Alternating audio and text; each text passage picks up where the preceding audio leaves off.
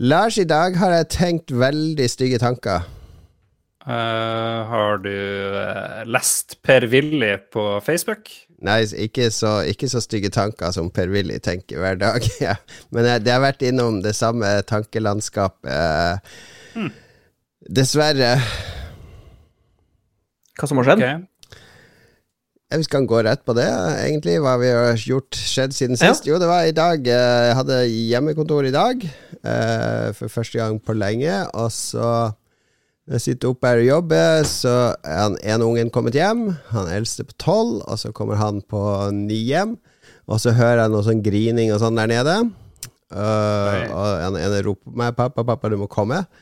Og så kommer jeg ned, og så viser det seg at uh, sparkesykkelen til han yngste har blitt stjålet fra der den sto låst på skolen.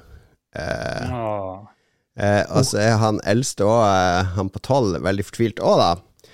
Fordi han så, så to sånne ungdommer som sto og lirka på den når han var på hm. vei hjem, og så stoppa han og kompisene og så på de, og da gikk de liksom bort og skulte på de. Og så tenkte han ja, det gikk de sikkert, og så gikk han hjem. Men så har de kommet tilbake da og lirka den løs. Ok, så du har tatt en taken, og du har jakta ned de her to. Har, de er nå døde. Nei, men så må jeg jo, først må jeg roe de ned, og så må vi snakke litt om hva som har skjedd. Og så spør jeg om det var det noen som gikk på ungdomsskolen der. Var det noen de kjente Trym de igjen da? Så jeg, jeg trodde kanskje de gikk på ungdomsskolen og sånn, og så skulle beskrive de, ikke sant. Og da kommer jo til det spørsmålet var de mørke i huden. Ja, de var mørke i huden, begge to.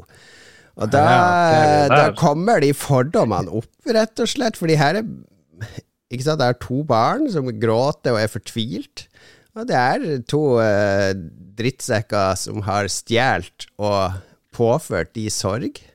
Og da kommer ja. farsinstinktet, beskyttelsesinstinktet inn. Da er det noe som våkner i meg, som ikke er rasjonelt. Som begynner okay. å uh, fantasere om hva jeg skal gjøre hvis jeg finner de. Altså, men er, du, men er, er, man helt sikker på at det var de to? Det går jo an å lirke og så angre. Og så jeg vet jo ikke hvem det var, men han beskrev Altså, de, de var jo uh, uh, mørke i huden, de var litt høye, de hadde de og de klærne, var det han huska, ikke sant?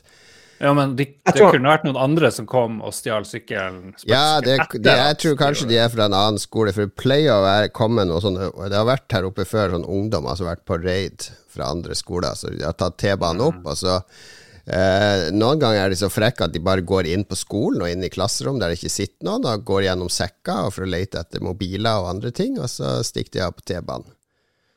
Uh, så, men, men Du må huske Jon Cato, at dette er sånne storbyrproblemer som det er veldig vanskelig for meg og Lars å sette oss inn i. Ja, ja. Men jeg sympatiserer. La meg sympatisere først og fremst. Du, jeg hører at du er upset. Ja, det er jo ikke jeg, Men jeg blir jo Jeg skammer meg jo over meg sjøl, ikke sant? Fordi når de instinktene kommer og tar over, så det er en sånn jeg tror vi alle vi har en sånn fordomsfull person inni oss uh, som av og til kan våkne, og den, nå våkna den skikkelig. Og du begynner å tenke sånne ting som jeg egentlig aldri tenker om uh, Altså i den retorikken til uh, du tenker at vestlig kultur og, er overlegen ja, og Du begynner å tenke på Å ja, denne berikelsen og ditten og datten. Så jeg begynner å tenke sånne ting som jeg virkelig skammer meg over i ettertid, når jeg får roa meg ned. Mm. Altså, hvorfor våkner disse følelsene i meg? Er det naturlig? Og, blir fremmedfiendtlig, er det du prøver å si sånn der i et øyeblikk? Ja, det blir sånn rett ut rasistisk, ikke sant?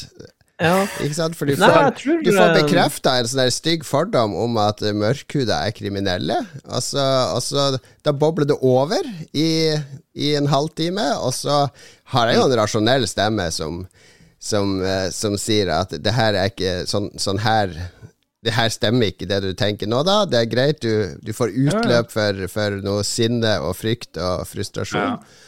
Jeg skjønner. Jeg kan jeg kan uh, se paralleller etter at Og det var jo Oi, nå begynner Ja, Siri fikk varsel fra Siri om at jeg, jeg var blitt for rasistisk. Jeg må roe meg ned. Hun sendte meg rett til uh, innmeldingssida til Frp. jeg tenker på at i 2011, da han uh, Anders Behring Breivik Det er jo litt annet level, da. Men da ble jeg pro dødsstraff på ganske kort tid. I uh, en par dager. Ja. før, eh, før jeg snakka ordentlig med, med faderen, og han klarte å roe meg ned og si at eh, jeg trenger ikke, ikke dødsstraff. Vi kan løse problemer på en annen måte. Men jeg skjønner hvordan litt sånn traumatiserende opplevelser kan få deg til å plutselig bli litt mer dyrisk. Og litt Ja, jeg- mer eh, basal. Ja, jeg tror, jeg tror alle mennesker har, har sånne urgreier helt bak i hodet. Og det tror jeg er noe sånn stammegreier. At du har lyst til å passe på din egen stamme. Jeg tror også det måte. Og- Det har veldig med barna å gjøre, for jeg vil jo gjøre alt for å beskytte de barna. Altså, hvis, Ja, og for det er jo din nærmeste hvis stamme, altså din familie. uansett hudfarge eller etnisitet eller hva som helst, prøver å skade ungene mine, så vil jeg jo Mm. prøve å, å, å skade det, eller gjøre alt jeg kan for å Om jeg må drepe den personen for å stoppe han, så vil jeg jo gjøre det. Ja, jeg tror det er absolutt vanlig. Så ja, men det var egentlig det jeg ville det. For jeg skammer meg over at uh, jeg ble så Vi skulle sykle rundt og se etter en sparkesykkel. Det kunne være at de bare hadde lekt seg med den og slengt den fra seg i en busk eller noe sånt, ikke sant. Så for å sykle med ungene på slep, og de hadde sånn håp om å finne den igjen. Og så begynner jeg å fant, Hva gjør jeg hvis jeg finner de gutta? Og hvordan kommer det Jeg var, jeg var litt sånn redd for hvordan jeg ville reagere hvis jeg hadde kommet over de to gutta med Voksen. sparkesykkel. Voksen mann slo ned unger. Ja, men jeg var, jeg var rett og slett eh, Jeg hadde sikkert klart å kontrollere meg, men jeg måtte skikkelig kontrollere en sånn eh, rasistisk hulken i meg som våkna opp. Har dere opplevd at faren deres eller noen andre myndighetspersoner har tatt dere med for å konfrontere andre som har gjort dere en urett da dere var små? Jeg vet ikke om du hadde tenkt å ta med deg ungene dine, men det er jo min pappa da eh, en kompis ødela mitt skikkelig dårlige og sånn sikkert kosta 100 kroner skateboard på 80-tallet i Kirkenes. Ja. Da, var, da tok han Raymond og lånte skateboardet. Fikk det tilbake knekt. Det, der dro far en eh, linje i sanda. 'This aggression will not stand', så jeg måtte være med han. Han skulle sikkert vise meg hvordan jeg skulle være tøff. Og så forlangte han betaling eh, for et ødelagt skateboard. Utrolig pinlig. Nei, jeg har ikke vært med. var, far din var Mr. Justice. Ja, jeg tenker litt på han Walter i, i uh, Big Lebowski. At han ble litt sånn. Han Ja, fikk sikkert også det sinnet. Ja. Ja, nei, min, far, eh, min far gjorde heller ikke det, men det var også tanker jeg hadde når jeg sykla rundt, at hvis de er her, så må jeg jo Da sender jeg ungene hjem, og så må jeg konfrontere de alene. Fordi jeg orker ikke at ungene skal se på at jeg skal deskalere en situasjon, eller at de, de prøver å bli voldelige, eller noe sånt. Eh, det, det trenger Ja. ikke ungene å være med på.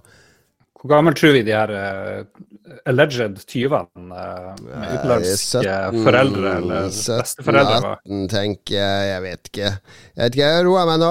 Eh, nå driver jeg heller og ser på finn.no og Facebook Marketplace om de skal prøve å selge den sparkesykkelen for noen hundrelapper. Det koster jo 2000 den sparkesykkelen ny. Hei. Se om de skal tjene en quick buck, og så får jeg heller se om jeg kanskje, hvis jeg, hvis jeg ser den der, kanskje jeg drar bort og tenne fyr på huset de bor i, eller noe sånt. Så- Du er, du er jeg jeg, er, jeg blir Liam Neeson, rett og slett. Take, ingen, tar, ingen tar mine barns sparkesykkel.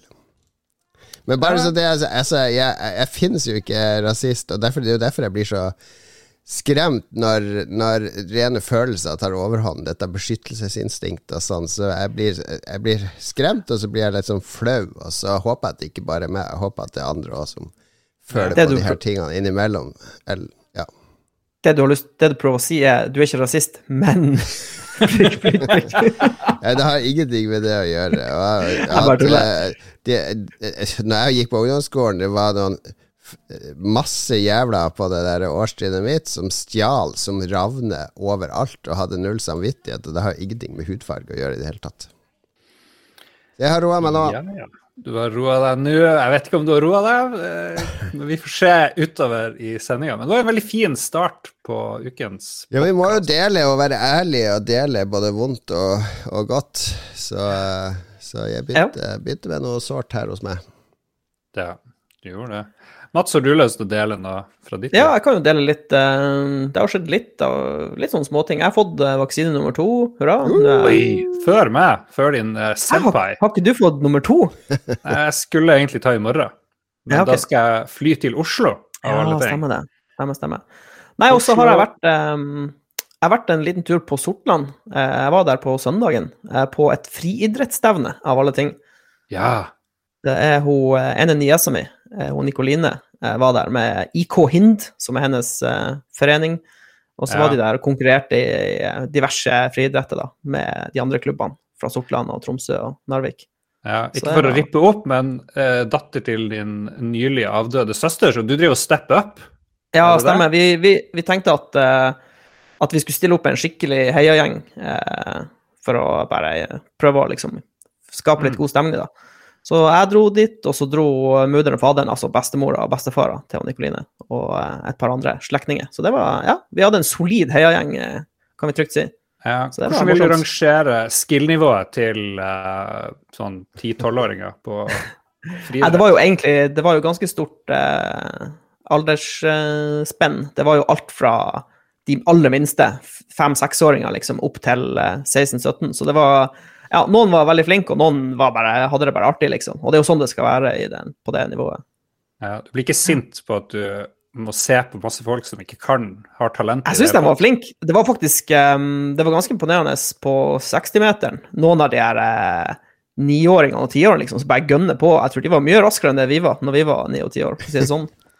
Så du Eh, tok det var- ikke Du dro ikke den der eh, Å, herregud, har dere ikke sett på OL? Herregud, så dårlig! Fortere! Nei, jeg synes det var eh, du, du så liksom når de kom i mål, at det er, jo, det er jo 60 meter, liksom. Det er jo ikke verdens lengste distanse, men de gønna på, liksom. De var helt sprengt i ansiktet og ramla ned på gresset, og det var ja, imponerende. Så det var morsomt. Så det blir sikkert flere friidrettsstevner fremover i livet til Mats. Ja, men det er bra, det. Det er gøy, det. Det er noe gøy òg med eh, å se barn gjøre sitt beste og virkelig kjempe og prøve. ja, og så er det faktisk ei jente fra IK Hind, eh, Harstad sitt lag, som skal være som flaggbærer i Paralympics. Så det er jo litt kult. Ja, ja. Det er cool. Ja, vi gleder, alle vi vennene til Lars Vi gleder oss da han kommer i morgen til Oslo, vet du. Fordi Lars melder alltid ifra.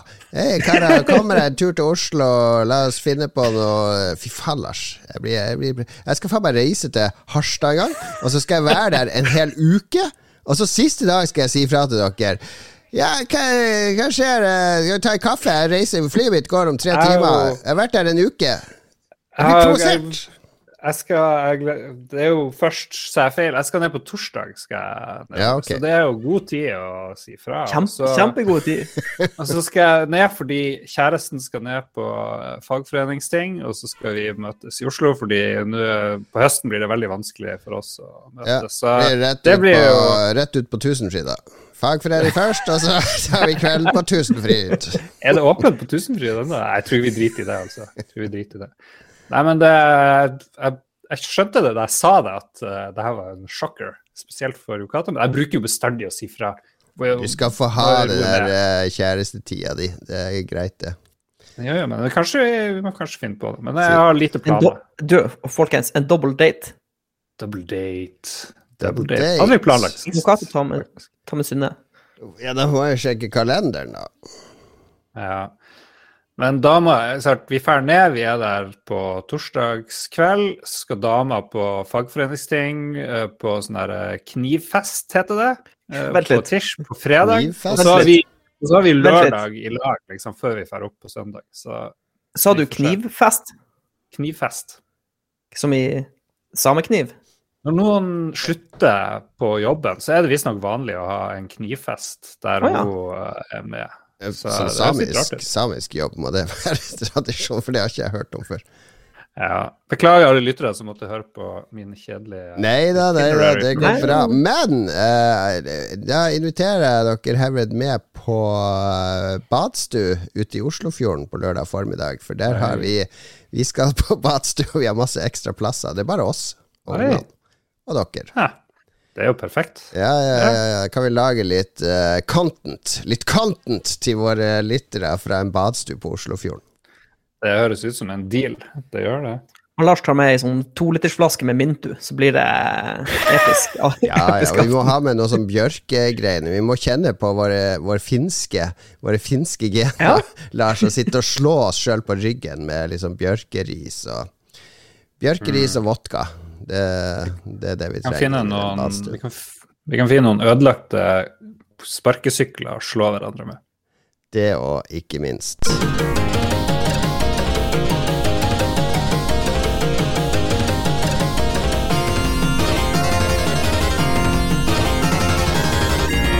Da kuppa vi hele din historie, Lars. Vi bare gjør det til handle om Oslo, for du skulle egentlig snakke om noe annet. Du skulle utlevere Mats, ser det ut som her. Ja, fordi det har gått hardt inn på meg uh, da Mats her om dagen uh, så litt sånn forsiktig på meg. Sa han med litt sånn skjelvende stemme at du, Lars, uh, jeg vurderer å bytte mobil og kjøpe Ja. iPhone. iPhone! Ja. og det, jeg har gått og tenkt på det siden. Et svakt øyeblikk. Jeg, tenkte, jeg, jeg tenker at Først ble jeg litt sånn Oi, Mats er åpen for ny teknologi. Ja. Uh, og du har aldri vært en Apple-hater, men det er jo Nei, nei. uvanlig å bytte merke, føler jeg da. De som er sånn Samsung-folk, de blir det, og de som er Apple-folk, blir det. Men så har jeg tenkt etter hvert det er kanskje en skikkelig dårlig idé, for jeg tror ikke du kommer til å bli et lykkelig menneske med en iPhone. Det vil i hvert fall ta tre-fire måneder, tror jeg, å, gjøre, å bli vant til et nytt sånt Ja, det er det, det er det jeg har innsett, fordi eh, jeg må jo av og til Eller begge foreldrene mine har iPhone og iPad og sånn. Eh, og av og til så skal jeg vise dem noe på telefon, eller prøve å hjelpe dem med noe, og da innser jeg at jeg kan jo ingenting om IOS og alt det her, så jeg jo, kan jo mindre enn det de, så jeg må jo gå på min telefon og google hvordan man finner den innstillinga eller endrer på den tingen, så ja. Det, det, det eneste som appellerer, er eh, solid byggekvalitet og litt mindre telefon. Eh, spesielt den iPhone, den minien. Den ser jo helt fantastisk ut. Jeg vil ha en litt sånn liten telefon, for jeg ser så lite medieinnhold på telefonen min, så jeg trenger ikke sånn 6,5 tommers eh, skjerm. Så lenge den har bra batteri og er liten og snop, så er jeg om bord. Men Ja, eh, ja. Du, har- du, har- researcha deg frem til at det er bedre batteri, det visste ikke jeg. Eh, Ja, eller det er, um, de, de har bedre Altså, de har bedre batteri eh, med tanke på når du ser på batterikapasiteten og hvor lenge batteriet på telefonen faktisk varer, så har iPhone eh, mye bedre software i bakgrunnen, tydeligvis. Fordi Kan- de her Samsung-telefonene har sånne store, voldsomme batterier, men de varer ikke noe særlig lenger enn det en Ja. iPhone gjør. Og hvis vi vet noe om dem, så er det at du er opptatt av bl.a. batteri. Ja. Ja. Ja. Eh, er batterikonspirasjon. Jeg, jeg, jeg liker ikke å eh, Jeg liker ikke å måtte enten ta med ladekabel eller en sånn batteripakke hvis du skal bruke telefonen en hel dag. Eh, Jeg synes det Ja, det burde ikke være sånn. Ja. Det var alt jeg hadde. Kjør jingle! Men det er alt du hadde. Det, det står kjøttdeig her òg. Hva, hva betyr det det? står kjøttdeig, Jeg har glemt det. jeg har, eh, jeg har delaya tacoen. Jeg fikk aldri tid til å lage taco i helga, så jeg lagde det i går. Og da kjøpte jeg 50% kjøtt og 50% vegansk masse kjøttdeig. Oi, oi, oi. I know! Hvorfor kjøpte du det? For å spare miljø, og fordi det er usunt med farseprodukter. Det, det er ikke godt for kroppen din, visstnok. Så vil jeg prøve. Jeg jeg har- prøver nye ting som ikke har med kjøtt å gjøre. dårlige nyheter. Stort sett all mat du kjøper i butikken som er sånn her prosessert tolv ganger, er svært dårlig for kroppen. Så det er liksom det er vanskelig å komme utenom. Jo da, men jeg leste litt om det på en tilfeldig nettside som jeg ikke kan stå inne for, men det var at selv prosessert eh, vegetabilsk masse, hvis det er det det heter, er bedre enn kjøtt, fordi kjøtt Ja, okay. er Ja, det kan godt stemme. Ja. ja da. Nei, så og det kan rapportere terningkast tre, kanskje, et eller annet sånt. Det var, det var noe rart med det tacomåltidet der. Det må jeg bare si. Men jeg skal, Ja, for de har bare, altså Det er kjøtt, og så har de liksom fylt det litt inn med sånn kikerter og sånn lurium-ting. Ja, alt er litt sånn kjøttdeigaktig, men når du steiker det, så ser du at her er det noe rart. Og så smaken var Jeg vet ikke helt. Herregud, for en kjedelig historie. Jeg bare, bare fortsett å prate, Lars. Ja, altså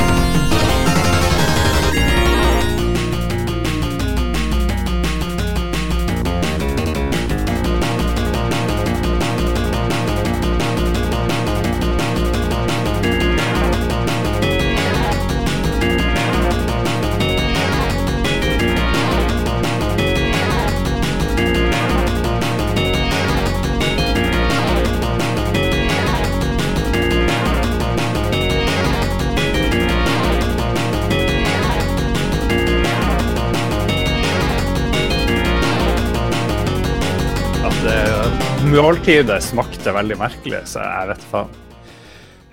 Ja, interessant. Kjempeinteressant. Det er ferdig nå, Lars. Var det noe mer om den kjøttdeigen? Jeg ser bare lyttertallene stupte ned på Twitch her. Jeg beklager, beklager det. Ok, nå over til eh, ekte kjøtt. Her er ikke noe uh, vegetarprodukter som erstatter dataspill. Hva kan et vegansk dataspill, hva er det for noe? Er det et kortspill? Er det brettspill? Jeg tenker yatzy. Yatzy, ja. ja. Yatzy er for de veganske dataspillere, men her er vi ekte kjøttetere. Vi spiller det nye, det ferske. Til og med ting som ikke har kommet ennå, har vi spilt. Og det, jeg, det kan, jeg kan jo begynne med det, da. Det er jo uh, breaking uh, news, for det spillet kommer i dag. Når podkasten kommer ut. Oi. PS2. P PN2. PS, P, PN2 heter det. Det er et spill på GameCube som heter PN03 men det har ingenting med det spillet å gjøre. Vi snakker selvfølgelig om Psychonauts, 2, uh, nye spillet fra Double Fine og Tim Shafer, som uh, er uh, Det er en fortsettelse av Psychonauts og det VR, uh, bitte lille VR-spillet som heter Psychonauts, et eller annet Rumba of Ruin. Ingen som har fått med seg noe som helst som har med VR å gjøre? Nei, men det, er, det handler om uh, en uh, kid med mentale superkrefter. Kan uh, få ting til å levitere, og ikke minst kan han gå inn i hjernen til folk. Og inn i hjernen til folk er det sånne store fantasilandskap eh, som er bygd opp av minner og traumer og eh, anger og sinne. Og, ja, hvis han hadde gått inn i min hjerne i dag, så hadde det vært ganske stygt. Men som regel, hvis han går inn i min hjerne, så er det veldig vakkert. Det, sånn tenker jeg det ser ut inne hos meg, inni min hjerne. mm, la meg gjette. Det er i hvert fall det er, det er, noen checkpoint, checkmarks. Det er noen ting som er med der spillet, tror jeg, uten å vite noe om hele universet. Det er sikkert mye sånn her uh, social justice warrior-shit. Det bare flommer over av det. Så her kommer det jo masse folk til å bli sint av det her spillet. Det er sikkert noe, noe same sex-greier, tipper jeg. Det er folk som er usikre på sin identitet. Kanskje noen politiske meninger. Er det, en, er det fremtredende kvinnelige roller der? Uh, ja, vi, vi kan det er uh, en som sitter i rullestol, det er noe ja, ja. homofili Det er ikke så mye ja, sånn rett fram politikk, men alt er gjort på en veldig naturlig måte, da. Så det, du skal ganske Du skal være ganske fortapt inn i 4chan og Gamergate for at du skal begynne å, å bli sint på det her, uh, rett og slett. Men det er begge kjønn, og det er Altså, det det, det, er, det er en moderne Moderne tegnefilm. Eh, rett og slett. En av innvandrere der å bli sint på? Så du sier det er bare to kjønn? ja, jeg er litt usikker på om de berører akkurat uh, den, uh, den delen, altså om de, om de om det er flere kjønn. Jeg har, har, jeg har faktisk en løsning til hele den her Jeg har, jeg har en løsning til uh, egentlig kjønn og alt det der med hvor mange tall liksom, Hva hvis vi bare sier mennesker, og ikke mm. bruker kjønn? Og bare fjerner kjønn helt, og bare omtaler alle som mennesker? Hei, menneske. ja. Jeg vil ikke være menneske, jeg vil være ja, ja, men, ja det, så har vi det, ja. Det er interessant det du sier, for vi kommer tilbake til det når vi kommer til anbefalingsspalten min, fordi eh, det er noe sånne serier og filmer sånn i dag der du merker at her prøver de kanskje litt for hardt å være litt bevisst på ting som er i tidsånden. Uh, for eksempel nå Jeg har ikke sett den, men Captain Falcon og Winter Soldier, eller hva den heter, den serien på Netflix, ja. den har jo fått en del kritikk fordi at det blir litt sånn herre uh, det blir litt sånn der for uh, in your face og opp Altså, det, det tramper Det kommer trampen inn i et rom og 'Hør her, alle sammen! Rasisme er veldig dumt!' I stedet for å, å eh, formidle budskapet på en mer subtil måte som får deg til å tenke etter dine egne holdninger, kanskje. Ikke sant? Ja. Eh, og, og, det fins medieuttrykk i dag som klarer å formidle sosial rettferdighet og tematikk som vi er opptatt av i dag, likeverd og kjønnsidentiteter og sånn, uten at det føles som at det er en preken, eller at uh, at, at det får deg til å tenke. Det er jo det som er smart. Det er jo det gode kunstuttrykk gjør. Uh, og det vil jeg si Psychonauts 2 gjør, fordi det er ikke jeg, jeg tenkte litt på det når jeg spilte, for jeg tror kanskje Tim Shafer var litt mer sånn sleivete før i humoren sin. Uh, det no, du møter noen sånne uh, fantasivesener som liksom er sånne uh, bøller, altså sånne typiske sånne italienske gangstere. Og de, ja, og de Jeg tror for 10 år siden, eller 20 år siden, så hadde de prata med en mye sånn tjukkere italiensk aksent. Sånn der skikkelig sånn klisjéfylt. Mens nå er det en litt, litt mer sånn avslappa italiensk aksent. Så jeg tror, jeg tror, kanskje de eh, Han eh, Ikke at han føler han må, men at uh, han tar litt mer hensyn, rett og slett. Ja. Litt, litt mer voksen? Ja. Ja. jeg husker, jeg aner ikke hvordan gameplay engang. Er det en platformer? Er det, det er et plattformspill, 3D-plattformspill, der du skal hoppe og sprette rundt og samle på ting, og så er det litt sånn puzzles innimellom. Og så er det veldig sånn intrikat persongalleri, og spillet handler egentlig om fortida. At du driver og nøster opp ting som har skjedd før i tida, og driver og egentlig nøster sammen en historie om de gamle heltene til hovedpersonen ha, har han gutten blitt noe eldre, eller er det bare sånn rett etter det første spillet? Ja, det er ett minutt etter ja, okay. VR-spillet, okay. Men det er veldig, veldig sjarmerende. Altså, det, det, det, er sånn naiv, barnlig glede i designet. er helt briljant. Det ser ut som sånn 60-talls uh, tegnefilm hele veien. Karakterdesignet er dødsbra, fordi alle er ganske stygge, egentlig, men de er så markante forskjeller. Noen har svære, breie hoder, noen har smale hoder, noen har masse skjegg, og noen har rare briller. Så alle har sånne særpreg som gjør at de får sånn egenart og identitet. Så, så ja, jeg har kost meg, kost meg masse gjennom hele spillet ja, det er, ikke, det er, ikke, så bra plattformspill som Mario og sånt i 3D, men uh, men det er hver eneste hjerne du går Og det har jeg vært veldig flink Det er så variert, fordi det er mye som skjer inni de hjernene. Jeg skal ikke spoile noe her, men det er Ja, det, det kan være helt forskjellige ting du skal gjøre, eller mm. tematikk og sånne ting. Hva er, hva er det som har fått deg til å tenke og reflektere, og som har gjort mest inntrykk? da? Er det noe som vekker følelser hos deg? Uh, ja, det handler mye om familie og tilhørighet, og det syns jeg er sånn fint formidla, for du får møte familien til han uh, Rez, og han er jo uh, av den sjeldne sorten som har Familien er en sånn sirkusfamilie, så han har jo rømt fra sirkus for, å, for, å, bli agent. De fleste barn rømmer jo for å bli med i sirkuset. Men du møter de òg underveis, og det Uh, jeg syns det var mye fine sånn scener der med den familien, med at han føler seg annerledes, og, men samtidig føler tilhørighet. Og, ja, det er Jeg tror det kan resonnere godt hos mange som uh, føler seg utafor og trenger uh, Jeg er sånn kosebamse i hele spillet. Ja. Mm. Mm. ja men, takk. Tusen takk. Bare hyggelig. Skal vi ta, skal vi ta et hvileskjær med interessant oppdatering før noen ja. andre går videre? Hva du har spilt i det siste, Lars? jeg har spilt videre på det jeg skrøt litt av sist. Jeg har spilt Moonlighter. Jeg er snart ferdig med første gjennomspilling, og nå er det bare på pur eh, vilje at jeg går på, for nå har jeg runda snart fire dungeons. Jeg har eh, oppgradert butikken min, hvor du selger tingene du stjeler eller henter fra dungeons. og det blir bare kjedelig å legge ut varer i butikken etter hvert. Ja, for du har så mye penger? Tid. Jeg, har, jeg trenger penger av og til, men det er så gørr å legge det ut i butikken og vente på at folk skal kjøpe det og sånt. Og jeg har funnet prisene på alt jeg skal selge og sånn, og oppgradert absolutt alle våpen, fått alle potions. Så jeg er ikke så glad i det spillet som jeg var sist, da, så jeg må nesten deanbefale det. Jeg anbefalte det sist, men jeg syns det virka veldig givende. Men det er bare å ta det av lista til deres, folkens. Bruk tida på noe annet enn Moonlighter. Men har du ikke kost den tida du har brukt? Ja, men nå koser jeg meg ikke lenger. Nei, men det, det kan jo bare bety at du er ferdig med spillet, på en måte. Jo, jeg er jo det. Jeg likte det i ti timer, kanskje. Eller, ja. ja. Det, det, betyr bare at gameplay-loopen liksom varer i ti timer før du blir lei. Det betyr jo egentlig ikke at spillet er dårlig, egentlig.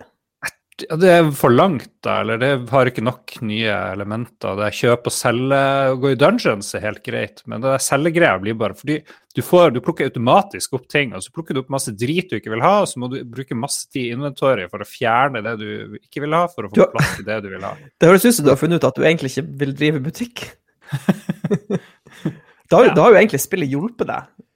Ja, anbefaler. Hvis du har en flittig lytter som liker å klippe lyd, da så klipp forrige episode når Lars snakker varmt om det spillet, så klipper du rett inn nå, så at det blir én sånn sammenhengende historie. Det, det kommer til å høres ut som en gal mann som bare sitter og skritter 'Dette er kjempebra', men 'nei da, for faen, den butikken funker ikke, det går ikke an å sortere'. Så blir det sånn rett fra himmel til helvete.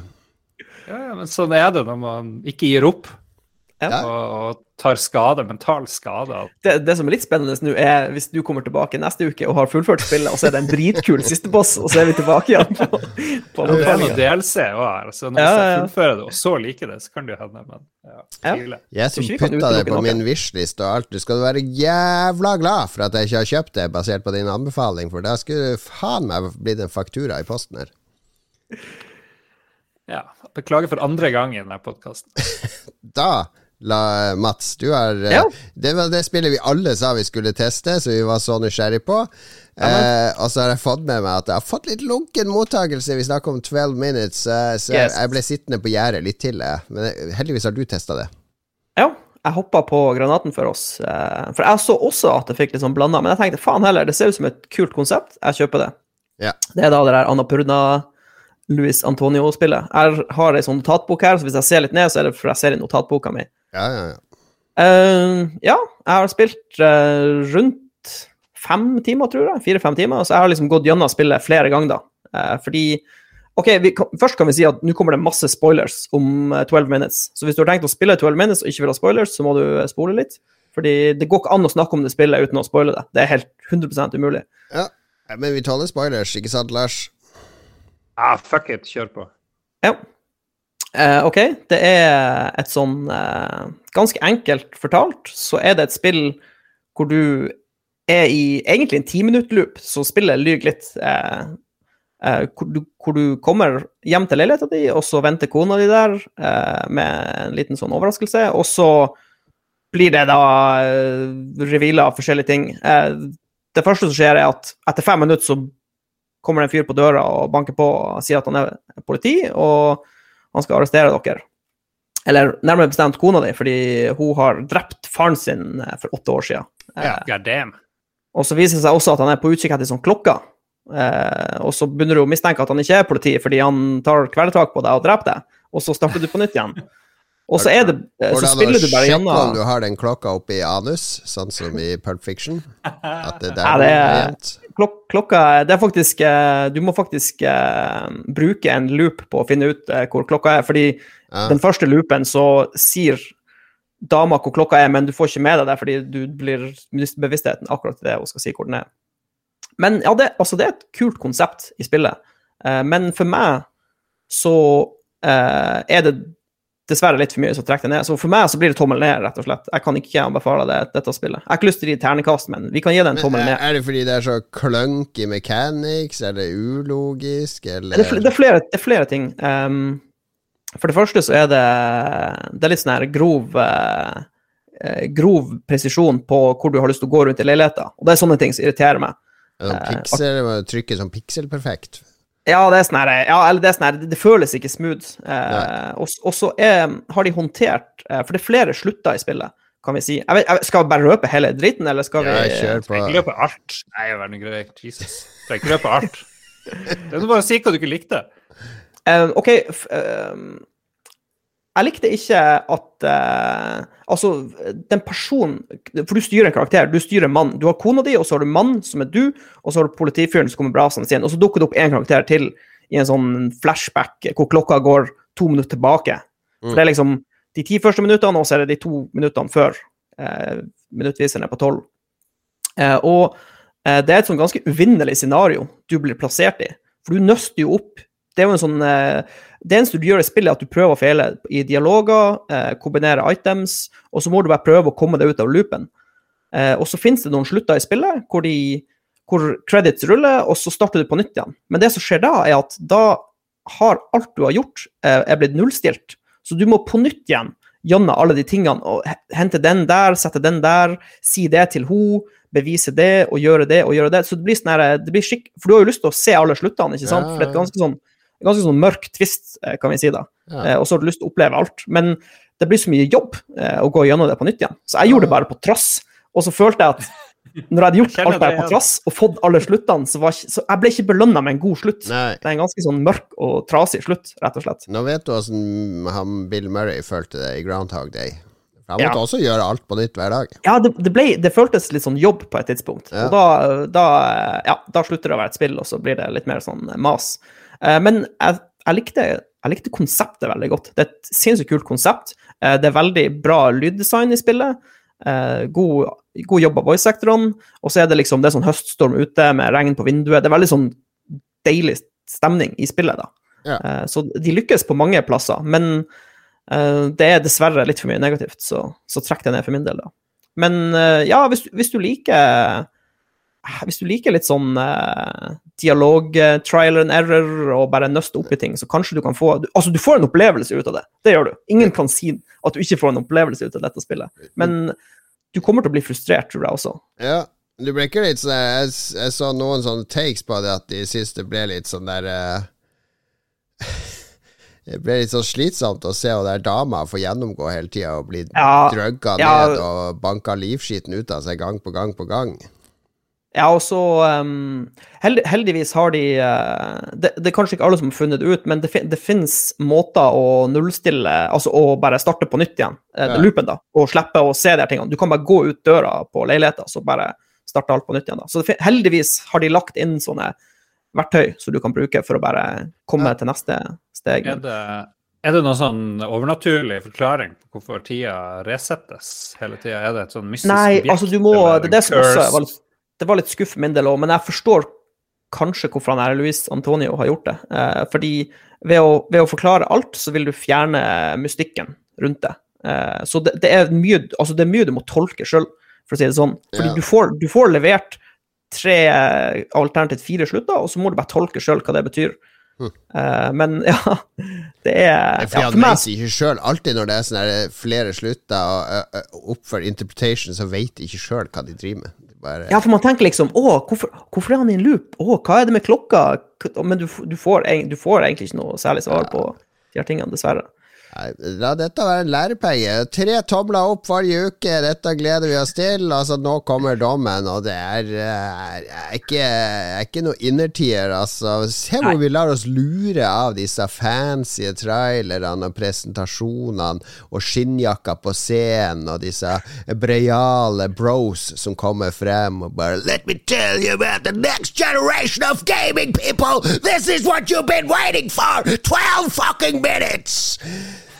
Det er løgn. Det er løgn. Ja. Ikke kjøp hypen. Helt enig. All right. Ja. Jeg har spilt uh, noe som absolutt er innenfor hypen. Jeg må ta med det. Og Quake Remastered, har du fått med deg det, Oh. Mats? My girl. Nei, jeg, jeg så eh, Jeg så på discorden, det ble delt noen videoer, og så så jeg bare Oi, det er jo noe jeg burde sjekke ut, men så har jeg bare glemt det av i hele 12 Minutes-prosjektet mitt. Nei, men det, det er eh, Altså, jeg spilte jo Quake eh, da det kom, men da var det så mye annet som var gøy. Det var PlayStation og andre ting òg, ikke sant? Så det, det kom og gikk. Så jeg, jeg var aldri Det jeg husker mest med Quake Jeg husker ikke noe Quake 1 eller 2, men det var jo vår venn Daniel som satt og spilte det på God Mode nede i kjelleren til Lars. Det, var, det likte han, og det er helt greit. Men Quake Remastered De har jobba i ett og et halvt år med en sånn remasterversjon av Quake som kjører på Alta og ultrawide til vanlige skjermer, med en masse sånn her uh, Grafikken ser gammeldags ut ennå, men det er en masse ting de har lagt oppå for å glatte litt ut og gjøre ting bedre. Kjører jo i 2000 frames i sekundet. Du kan kjøre fireplayer split screen på PC og konsoll, og da kjører de 4K, og de, hver av de kjører vel i 60 frames i sekundet. Så, og oppløsninga da er jo høyere enn du hadde på PC på den tida på hver av de små skjermene. Eh, hvis du har ultrawide, sånn som jeg, så kan du kjøre toplayer split screen, og begge får liksom halve vanlig skjerm. ja, masse, masse de har lagt til. Og så er det noen nye episoder de har lagt til, som er eh, Jeg har bare prøvd litt av den ene. Kjempekult. Men det er det tempoet. Det er det der eh, skru opp litt FOV, altså Field of View. Uh, kjør med unlimited frames i sekundet, og du bare Du flyr gjennom brettene. Og nivådesignet er jo Jeg tror det kanskje er det beste 3D-FPS-spillet fra 90-tallet når det gjelder nivådesign. Fordi det bruker virkelig alle tre dimensjonene. Altså det, det, går over og under hverandre, og det er masse sånn hemmelige passasjer som binder ting sammen. Og Jeg leste en som skrev at det, det, er, det har paralleller med hvordan Dark Souls-verden er bygd opp. Med at det er Du er aldri sånn helt lost, for det er alltid sånn at du kan se hvor Der, der har vært, og det stedet så jeg i sted, og sånne ting. Det, det er den samme sånn her uh, filosofi rundt nivåene i Quake. Jeg tror rett og slett det er det er da Romero og Carmack klarte å jobbe perfekt sammen. Det er Quake 1. Altså, de, ja. de, dro jo i veldig forskjellige retninger, og det her er sånn perfekt kompromiss mot uh, Romero sitt behov for finurlig nivådesign og feller og hemmeligheter og, og holde tempoet oppe hele tida. Og, og Carmack sin Det skal bare være skyte, skyte, skyte, skyte og raskt som mulig, og så fancy 3D-grafikk som mulig. Ja, og at det flyt, Altså, det er så det flyter så bra, med bevegelse og alt. Og... Flyter så sinnssykt bra, og de lydeffektene er så fulle av nostalgi. Og jeg driver og spiller gjennom nå, og det, det er ren fornøyelse. Vi bruker jo fire-fem minutter på et brett. Bare blase ned 30-40 fiender, inn og ut dører, finne rustninger, helse, nye våpen, ammo ut. Og det er sånn rush. Det er rush hver gang. Så, så, kjør på. Det er sikkert bra på Xbox, men jeg tror det er perfekt på PC med mus og tastatur, så du kan sitte og holde pusten idet Og gjør det bare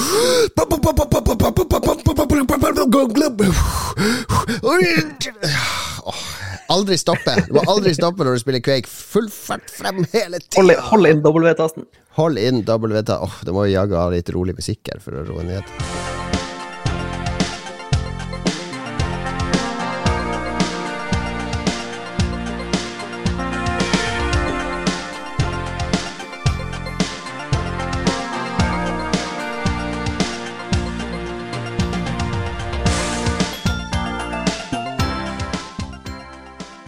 Ny episode, ny spalte. Vi innfører herved ukas utfordring, som jeg valgte å kalle den. Hva er det for noe, Lars? Ukens utfordring, det er spalte nummer 3000 fra Lolbua. ja, altså Da jeg var gjest på nederlandslaget episode 100, så hadde de jo over 30 forskjellige spalter som de hadde innført og forkasta i løpet av 100 episoder. Så eh, det er ikke uvanlig. Ja, men det, Hvor blir det av spillklubben? Den savner jeg. Den vil jeg ha tilbake. Ja, vi må, vi må hente vi, vi, vi, sendte jo, vi, sendte jo, ut et spill til folk, eh, og så har vi ikke snakka om spillet. Så det burde vi kanskje gjøre. Ja. Hvilket spill var det? Stanley Parable. okay. Så det er sikkert, det er sikkert noen, en stakkars fyr som har sittet og spilt Stanley Parable seks uker i strekk og venter på at vi skal snakke om det. Siden mai ja, vi holder på med det, tror jeg. Okay. Ja, Konseptet med denne spalten, som sikkert var i en episode til, det er at lytterne kan komme med forslag til en utfordring som alle vi tre skal gjennomføre før neste episode, og så skal vi snakke om hvordan det gikk. Altså, det kan jo f.eks. være uh, å gå på jobb uten truse en dag, uh, eller det kan være, være å eh, spise noe du ikke har spist før, eller det kan være å sende en frekk melding til en annen i redaksjonen. Da vet jo alle det, det er ikke så gøy, da. Men sende en melding eh, Ja, fantasi. Vi bruker fantasien her. Må være noe som er litt sånn eh, Det trenger ikke å være så utfordrende. Det trenger ikke være at vi skal gå på Mount Everest, men bare noe som Som vi må ta hensyn til de neste syv dagene at ok, jeg må få gjort det her en eller annen gang, så at jeg får snakka om det. Ok. Ja. ja. hva er det lytterne har bedt oss Det bør nevnes at vi eh, De har bare hatt noen få timer på seg å komme med bidrag. De hadde en halv dag, men uh, de har dårlig fantasi, lytterne. Uh, de får mye mer kommentarer når de spør, så kanskje vi har mista litt av appellen her, Lars? Ja Jeg er jo blitt 40 år nå, så vi er jo blitt eh, offisielt veldig gamle nå. Ja, hele redaksjonen. Boomerpodkast eh, har vi blitt. En ren boomerkast. Uh, men han Vi har fått noen, utfordringer. Men jeg så det da du la inn at du la uh, respons, så hadde du lagt med en sånn rar lenke. Så det tror jeg liksom Da tenkte Facebook det her er porno, så det gidder jeg ikke å spre det. Ja, det er det jeg har gjort. Det var bare en gif, fjernet, det var bare en GIF, gif som jeg henta fra Facebook sitt GIF-system. Ja, men Det sto lenke til sånn her trasig nettside. Det var det det sto. Oi. Men uansett. Virus. Ikke trykk. Okay. Virus. Men Ja, slett det. eh, ja.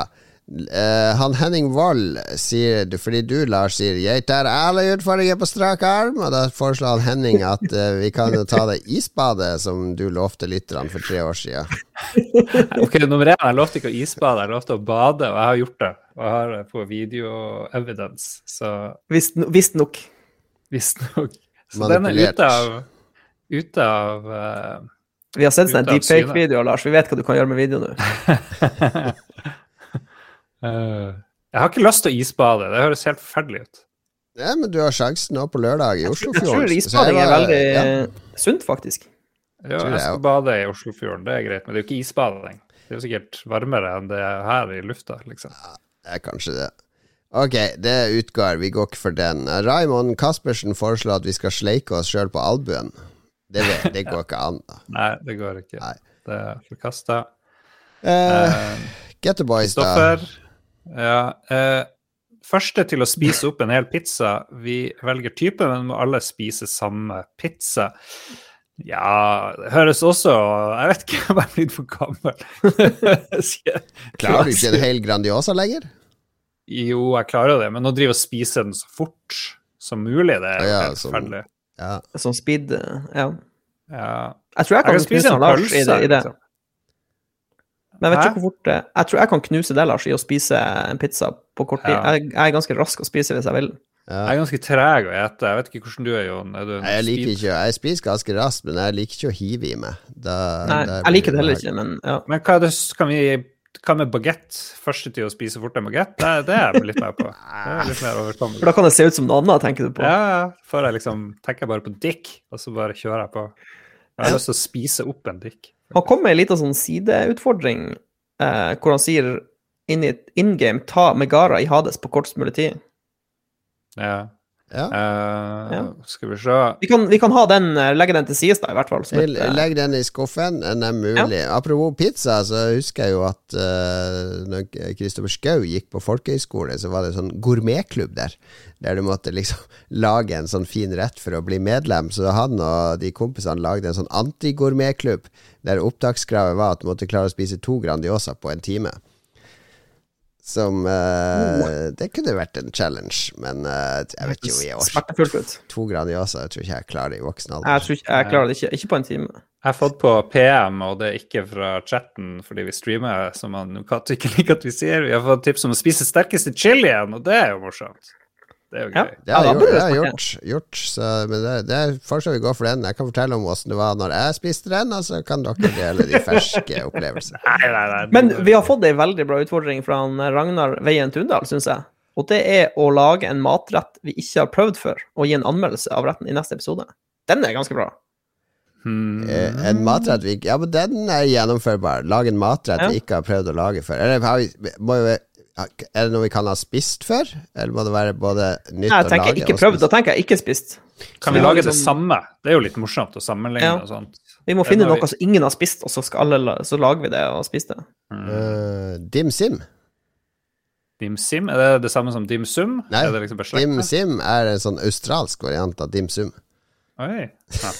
Er det ansjos og sånn? Nei, jeg vet ikke. Nei, vi kan ikke lage det. Men hva, hva, kan, hva kan vi lage som vi ikke har laga eller spist før?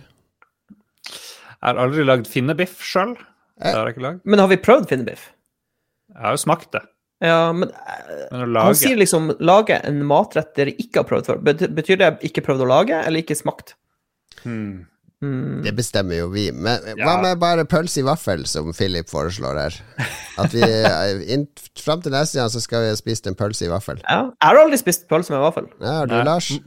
Må vi lage pølse og vi, vaffel vi, på trekker, nei, vi trekker noen wienerpølse, og så lager vi vaffel. Det er bare okay. å, å la, ja, dampe noe wienerpølse, trekke det i en gryte, og så lage, Og så lage en vaffel. vaffel. Eller kjøpe deg en vaffel på et bakeri og ta med hjem, og så putter du den pølsa oppi. Vi, vi lager, vi, Lars, vi Ja. lager det. Vi lager lagd vaffel, og så, ste- og så trekker vi noen wienerpølse. Jeg har Det var aldri ja. pannekakerøre? Det er jo akkurat det samme. Uh, spis ti Grandiosa på ti timer. Nei, det kan vi ikke gjøre. Ok, vi er foreløpig på at vi skal spise pølse i vaffel til neste gang. Det er utfordring. Det skal jeg klare å få til. Mm -hmm. uh, og da må vi Men da, vi kan ta i den challengen. Da må du velge om du skal ha syltetøy eller ketsjup på. Skal ikke ha ketsjup i vaffel. Selvfølgelig kan du det. Det er jo pølse. Du må, det er ditt valg. Da går du for syltetøy, da. Så får du fortelle åssen det var. Men det er jo ingenting som passer Jo, men med både jo, men- vaffel og Jo, pølse. du kan ha, sprø, du kan ha sprøstekt løk. Sprøstekt løk, sennep, ketsjup, syltetøy Det meste alt det der fungerer, det. Rekesalat. Skal ha rekesalat.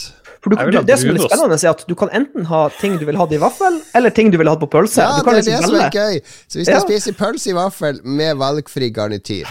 Ok? Ja. Ok. okay. Du må filme det her òg. Du må få noen til å filme ja, ja. at du spiser vi, vi det her. filmer. Or it didn't happen. Challengen er satt. Uh, vi fikk noen flere utfordringer inn her, men uh, vi sparer de til neste uke. Så har, vi, har vi noen i skuffa. OK. Hmm. Du høres ikke så entusiastisk Du kommer ikke til å gjøre det, Lars. Jeg kjenner det Jo, på meg. jeg skal bort, jeg og Lars skal, jeg skal bort her, Lars, og så skal jeg tvinge han. Ja, nå, Lars, du skal til Oslo. Bare Kom og dra innom Haralds Vaffel på Grünerløkka. Kjøp deg vaffel. Du går på Narvesen, kjøper deg wienerpølse. Swapperoo. Bom, bom, inn i kjeften. Når er du tilbake på søndag, Lars? jeg er tilbake på søndag uh, på kvelden en gang. Ja, Uh, Kveldsvaffel. Kan vi gjøre det, Mats. kan vi gjøre det på mandag? Ok, på mandag. Mandag, da blir det vaffel. Dere kan streame òg, OK? Avtale? Streame. Deal. Jesus.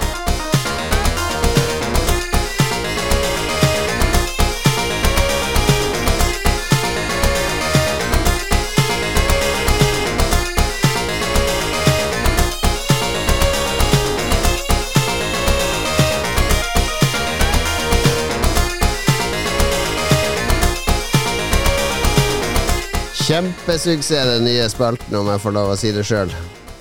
Hva, hva er musikken vi har hørt i dag? Er det noe Du, jeg glemte å bytte musikk, så det er bare musikk fra Sidbua 1991. så hvis du har kjennelse på det, så da kan du bare høre Sidbua 1991, så får du vite hva alle låtene er. Fordi eh, jeg tror meg det, de spa, Sparkesykler Jeg skylder på de sparkesykler, og at jeg har vært ute og sykla i timevis for å prøve å finne de igjen, eller drepe noen ungdommer. Stakkars Cato er i ubalanse. Jeg er ubalanse. Det går bra nå. Det går bra. Det går bra. Det går bra. Men hvordan forteller vi Philip at du har blitt rasist? Fordi han er jo adoptert. Uh, jeg, jeg er jo ikke blitt rasist. La la, jeg jeg snakka ærlig om uh, vonde følelser som kom opp, som jeg skammer meg over. Ja. Som en god journalist. OK, la oss glemme det. Du må ikke gi sånne ting til Lars, vet du. Rippe opp. Ja, jeg vil at du skal som en god journalist spørre eh, Per-Willy om det samme. Hvorfor er du rasist? Det tør du faen ikke! Det tør du ikke! Ja, Per Willy har aldri blitt frastjålet Kanskje han har blitt frastjålet masse sparkesykler? Det, der ligger det. Det, det er opphavshistoria. Hvis du blir frastjålet nok sparkesykler, så blir du som Per Willy. Kanskje, kanskje.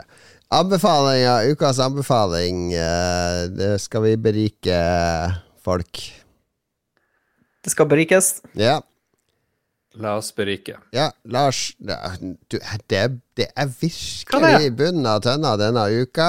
Nei! Hva har skjedd siden sist? Jo, Mats vurderer å kjøpe iPhone, og jeg hva, hva har du spilt siden sist? Det er det samme spillet som sist. Hva er det du anbefaler nå? Kom igjen, da. Jeg anbefaler den eh, nordnorske skatten Halvdan Sivertsen. Og jeg vil være frabedt at du skal drive og, og, og liksom avfeie Ja, det som akkurat en snakka dårlig at vi har blitt sånn boomerbua, vi er bare gamlinger, og så skal du begynne å anbefale Halvdan Sivertsen. Da blir det Ja. neste? Odd Gryte? ja, Odd Gryte er awesome. Nei, men jeg Hva som gjør at du har lyst til å anbefale Halvdan Sivertsen, Lars? Jeg var for første gang på festival. Uh, Du har aldri nei, vært på festival før? Mm, For første gang på festival i hele mitt liv. Nei, jeg var Ja. sånn den store med flere tusen mennesker, type festival, samla på ett sted. 2000 mennesker var på bakgården i Harstad, og for å få den enorme trioen Kari Bremnes, Tungtvann, Reunion for første gang i Harstad på 14 år, og for første gang siden de la opp eh, for syv år siden, eller jeg husker ikke, og Halvdan Sivertsen, som avslutta kvelden. Og da det liksom starta litt kaldt, utendørs eh, med Kari Bremnes. Det er ikke hennes beste arena, så vi satt og frøs. Så kom tungtvern og sa nå har dere lov å stå opp og danse hvis dere vil. Og det gjorde alle, fordi alle satt ved bordene og måtte bestille ved bordene og sånn. Og så var det vill drikking for å holde varmen, for det var stiv kuling, og det var jævlig kaldt, og det var helt grusomt, egentlig. Så, men det å danse til tungtvern, det kunne jeg òg anbefalt. Anbefaler veldig å dra på tungtvern, Men eh, på mitt fulleste den kvelden Jeg klarte å sykle hjem, så jeg var ikke så borte vekk. Men det, det, var liksom, det var så rørende. Det var så fint. Allsang. Eh, vårvisa og Hvis dere ikke har hørt det, vårvisa til Halvdan Sivertsen det er så, ja, veldig fin sang. Fin. Utrolig vakkert. Nordnorsk romantikk. Folkelig romantikk på sitt aller beste. Og Nesten det å se han eh, live, propaganda. komme med sine morsomme uh, Han er jo en veldig morsom mann. Komme med sine greier. Han var jo med i Gitarkameratene, hvor alle var sånn artige, og Øystein Sunde og alt det der der de var kommet med sånne anekdoter. Så jeg, det, jeg koste meg vilt. Men det var liksom en eufori. Du Jon Cato en stund tilbake, Lars. Nei da, jeg sitter her. Jeg sitter her i uh, jeg, jeg, hør noen, på. Noen omfavner hatet, jeg omfavner uh, Jeg hater ikke Halvdan Sivertsen. Jeg syns bare at det faller utenfor demografien som hører på her, at vi, at vi skal anbefale Halvdan Sivertsen. Faller utafor demografien?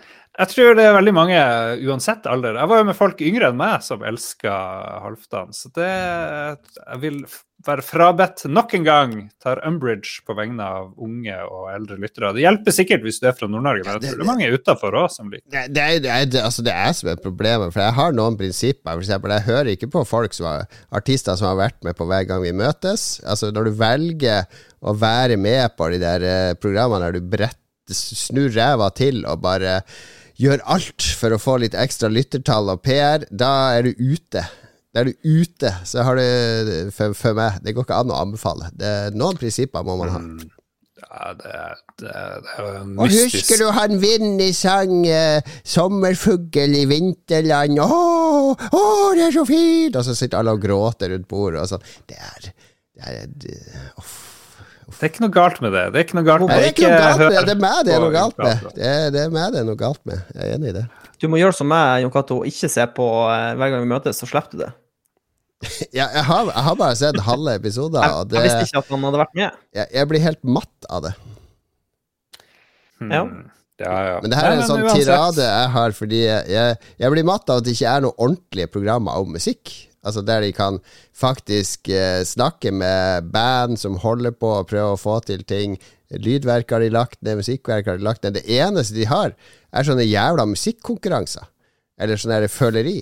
Det skal bare være Idol eller The Voice eller Hver gang vi møtes eller Stjernekamp eller hva faen.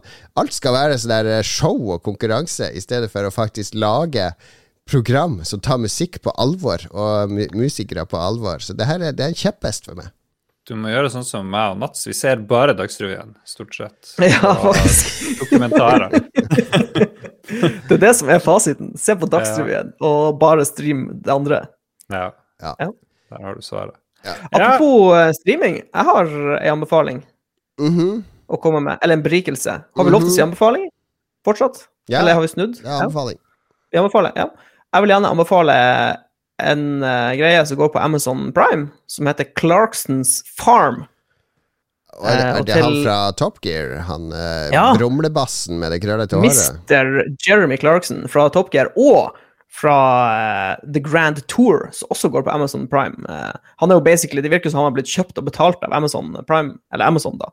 Men jeg var litt skeptisk. jeg tenkte uff, nå skal han bare lage noe sånne greier for å tjene litt penger. Eh, men jeg er tre episoder inn, og det er faktisk over sjokkerende underholdende. Er her er han blitt bonde, liksom? Eller hva han, har, han har kjøpt en gård, ja. og så skal han være bonde. Altså, han går, han går inn i bondegamet helt blind, eh, og så har han noen gode hjelpere. Og så skal han lære seg alt om å drive gård, altså dyrke jord. Eh, dyrehold, ja. eh, sånne ting, liksom. Og det er liksom, er det, det er helt Er det prepper i det, som, som tenker Å, hvis Clarkson kan, så kan jeg jo lære å Nei, altså um, jeg, jeg, tror ikke så mye prepperen som jeg, jeg syns bare det er fascinerende å se en fyr gå inn og prøve å lære noe nytt. Og så får du du får ganske bra sånn detaljnivå på, på hvordan det er å være en bonde. liksom. Alt sånn, hvordan, Hva er det egentlig du må gjøre når du dyrker jorda? Hvordan utstyr bruker du?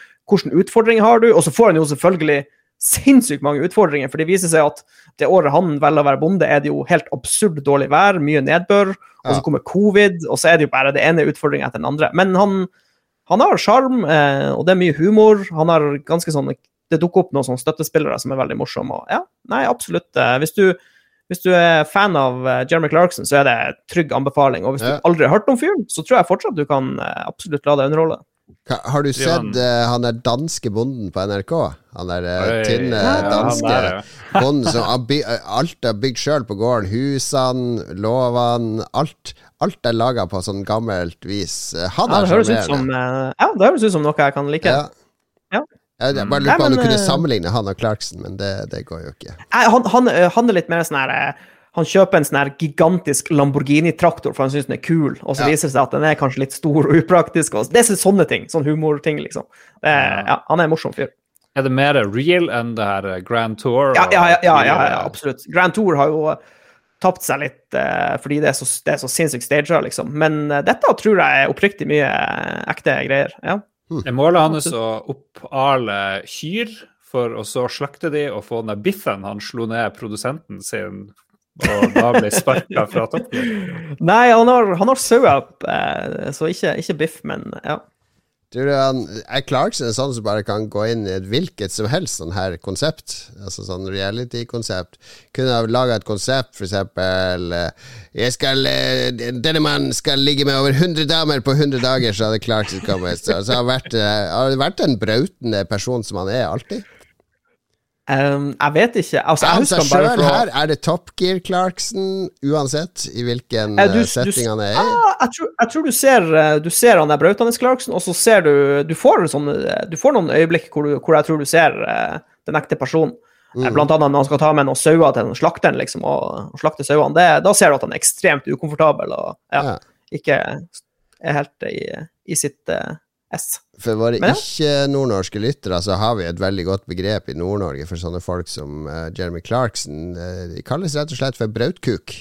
Det er, Ja. det er litt den personligheten. Ja, det er han. Ja. På, på godt og ondt så er han det. Kanskje en surkuk òg, muligens. Det er en annen, annen type. Ja. Hvor mange typer kuk har vi? Det er mange. Kuk i skolten er også et sånn nordnorsk uttrykk, hvis du er helt idiot. Ok, ok. Uh, det, apropos det, så det diskuterte jeg med min kone, fordi vi i Nord-Norge sier jo kjerring. Og så var, var det jo kjerring i veien, og ditt og datt. Og det, hvis du bruker det i Sør-Norge, det er litt sånn der Det er som å si uh, fitte eller uh, hore eller Ja, men det er det er mye mer sånn der lada ord i Sør-Norge. Hvis du kaller en, en dame i Sør-Norge for kjerring, da blir hun skikkelig fornærma. Det er Jeg kalte for første gang eh, kjæresten for regjeringa, litt sånn ironisk. Ja, det det er føltes ufattelig trasig. Ja, det var. Ja, Hva kaller du det for deg oppriktig, da? Nei, Kjære. kjæresten bruker jeg bare å kalle henne, Ja. egentlig. Ja. Jeg har ikke noe sånn finurlige, finurlige Det kallenavn. som er greit med å gifte seg, da kan du bare si kona. Ja, hør med kona. Det, Ja. det er naturlig. Enkelt og greit. Ja. De som er samboere, hva de kaller samboeren? Det er ikke så fint. Hei, du. Hei, du. Hei, du. Alright, min Yo. anbefaling. eh, nå skal vi tilbake til litt sånn social justice og, og eh, aktuelle Woke. temaer. Ja, litt woke, wokeness. Men eh, kanskje årets beste TV-serie, The White Lotus på HBO. Seks episoder. Det foregår over seks dager. Hver episode er en dag.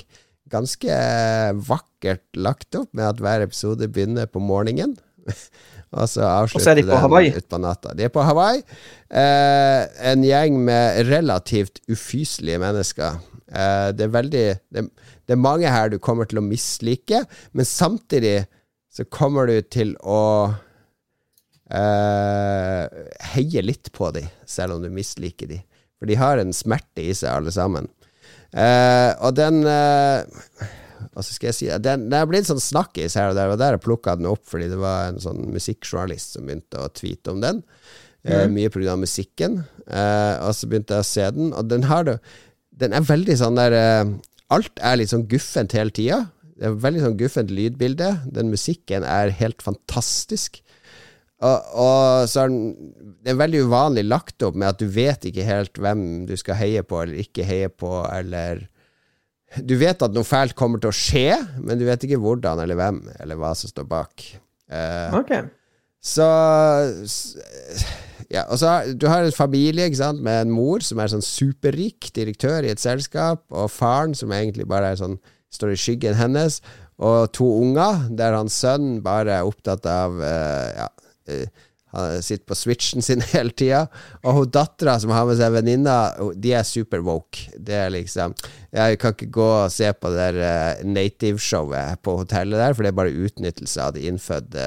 De skal stå og danse for vår forlystelse mens vi spiser grillmat, og de skal ødelegge kapitalismen og sånn. Og så har, men, det er, så, det er, så, smart dialog med foreldrene og sånn. Tror du du hadde vært der hvis det ikke hadde vært for kapitalismen, liksom?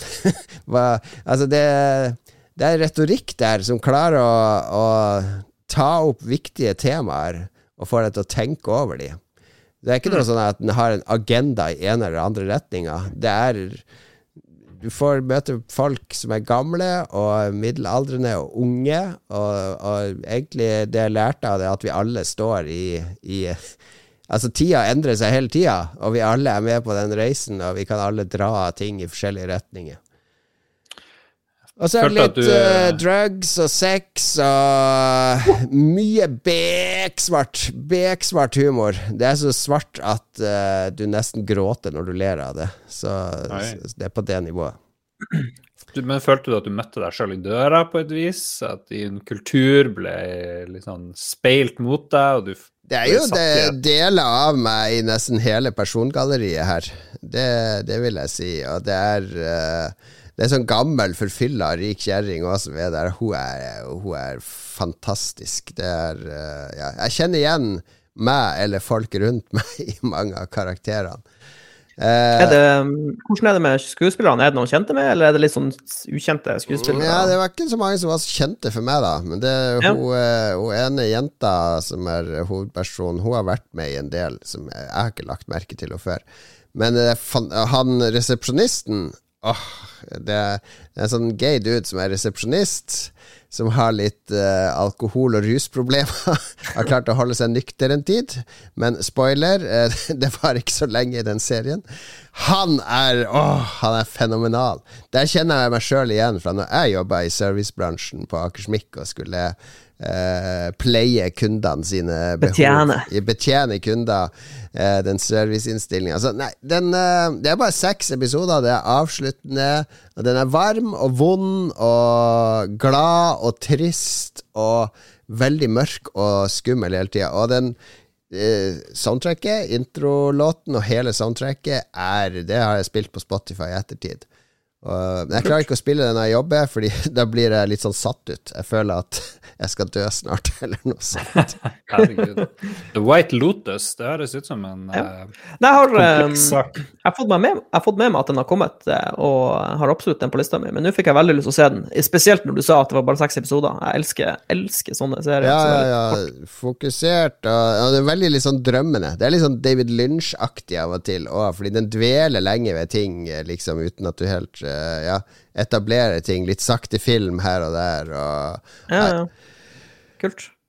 Veldig glad for at uh, den serien det, jeg, det, skal mye til for at noe kommer å toppe den i år. Kanskje blir det når jeg sjekker ut Clarksons Farm på Amazon Prime etter anbefaling fra ja. uh, Mats. Og hvis den skuffer, så kan jeg sette på Kjærlighetsvisa med Halvdan Sivertsen. Eventuelt den derre uh, 10 000 tommeltotter, neglesprett og selvmordmåter Nei, nei, det er vårvisa du skal gjøre. Vårvisa. Vårvisa. Kan du drømme deg til våren? Jeg skal spille vårvisa. It is the night, and there is time for quack. Quack.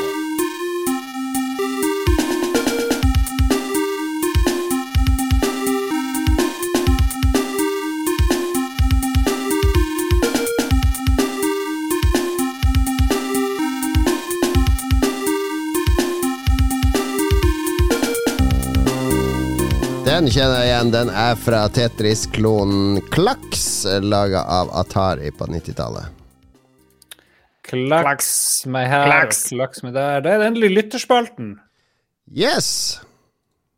Men vi har hatt lytterspalten, for vi hadde Nei da, vi har et par ting i lytterspalten her. Uh, Joakim Strandberg, hvis du skulle skrevet en bok om et spill, som en filosof skriver filosofi, hvilket spill hadde du valgt? Du må ta den på nytt.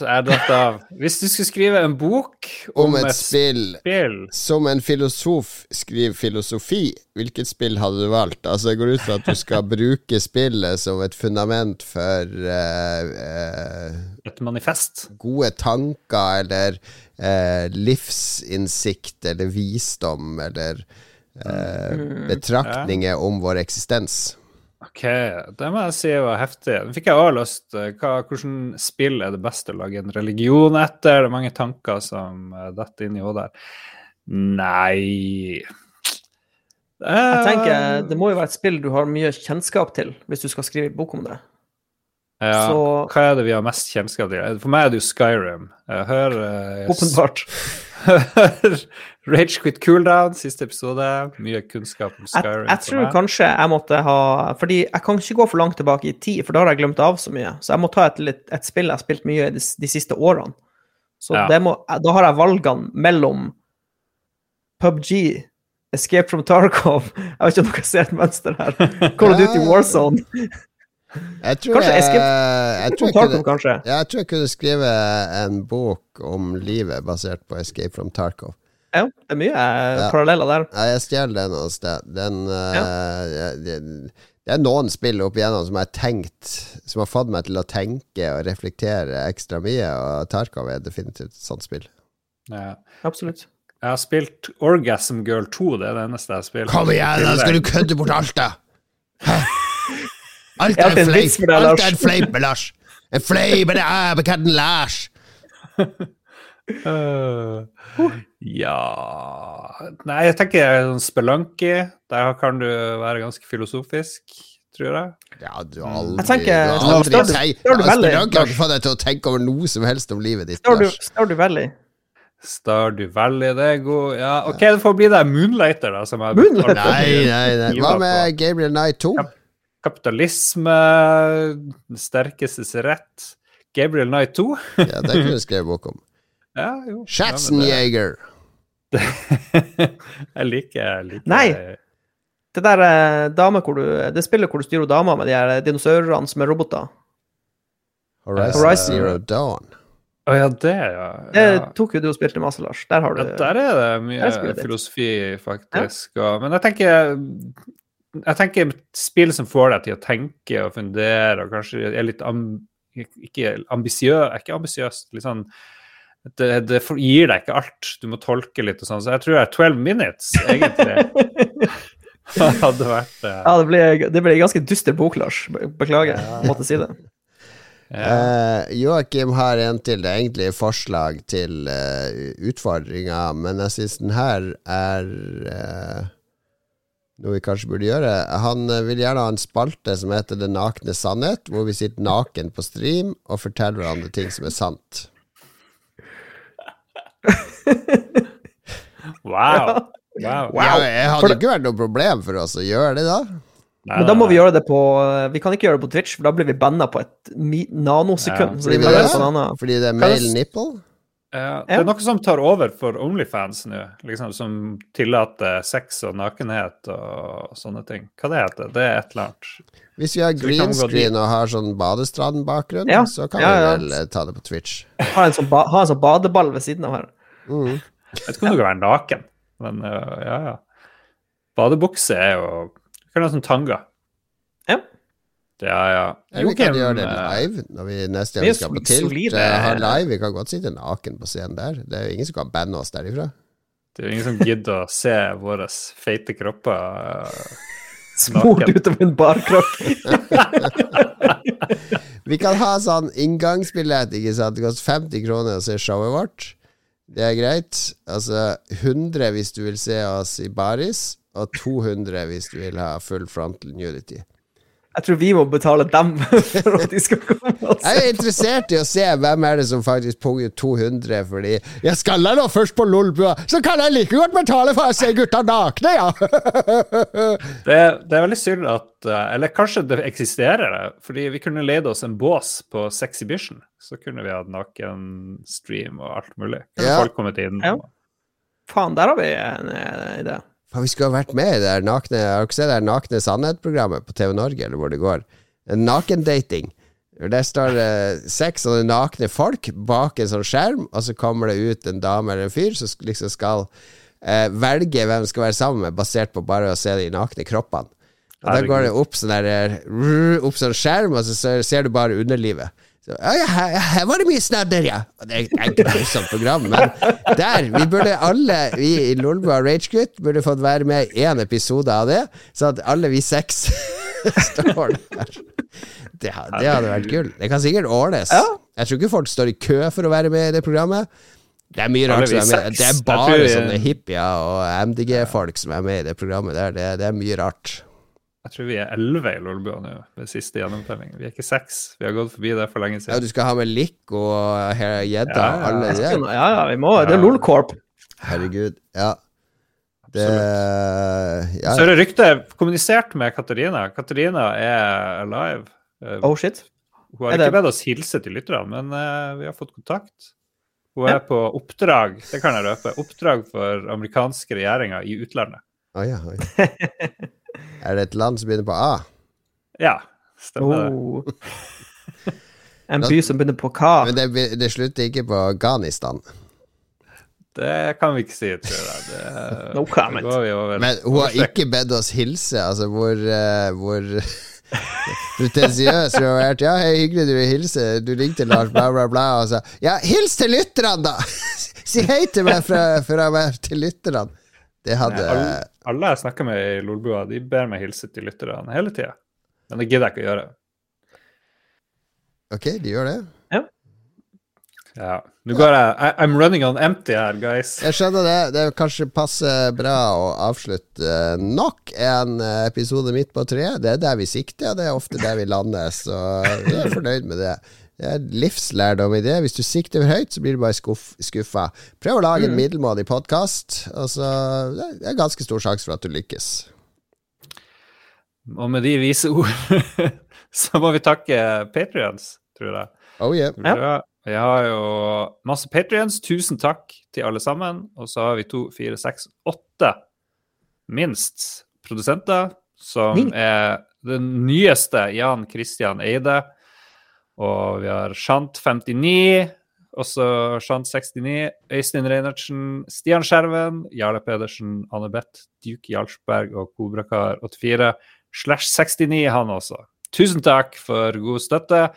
Uh, Patrion-gave på vei. eh, Ny Roffelbua er spilt inn. Håper den kommer ut snart. Hva kommer den? Det er du som sitter på den, Jon Cato. Ja, Det er ligger en mappe her. Jeg har sendt den til PFU for gjennomgang før vi publiserer den. Send til Ståle, så fikser han resten. Det er bra. Jeg skal gjøre det. jeg skal gjøre det Ny Roffelbua i løpet av uka. Og frem til neste uke Neste uke kan du glede deg til å høre vår dom over Hva er det utfordringa var, Lars? Pølse i vaffel Pølse for first time. i- Vaffel. Det blir magisk. Lurer på om vi skal få med Philip da som dommer, for han, han er jo Ja. fra de områdene. Han elsker pølse i vaffel, rett og Ja. slett. Jeg glemte TTM-eksempel fordi han var bolda i dokumentet vårt. Beklager, TTM-eksempel. Du er fremdeles produsent, og vi elsker deg. Number one, baby. Number one. Number one. Keep hanging og keep Takk, alle. listening og hit that like button, alle sammen. Ha det bra! Ha det bra.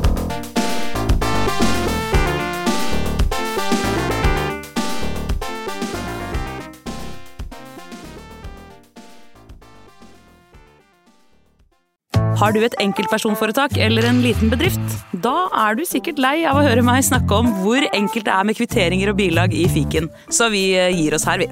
Fordi vi liker enkelt. Fiken superenkelt regnskap.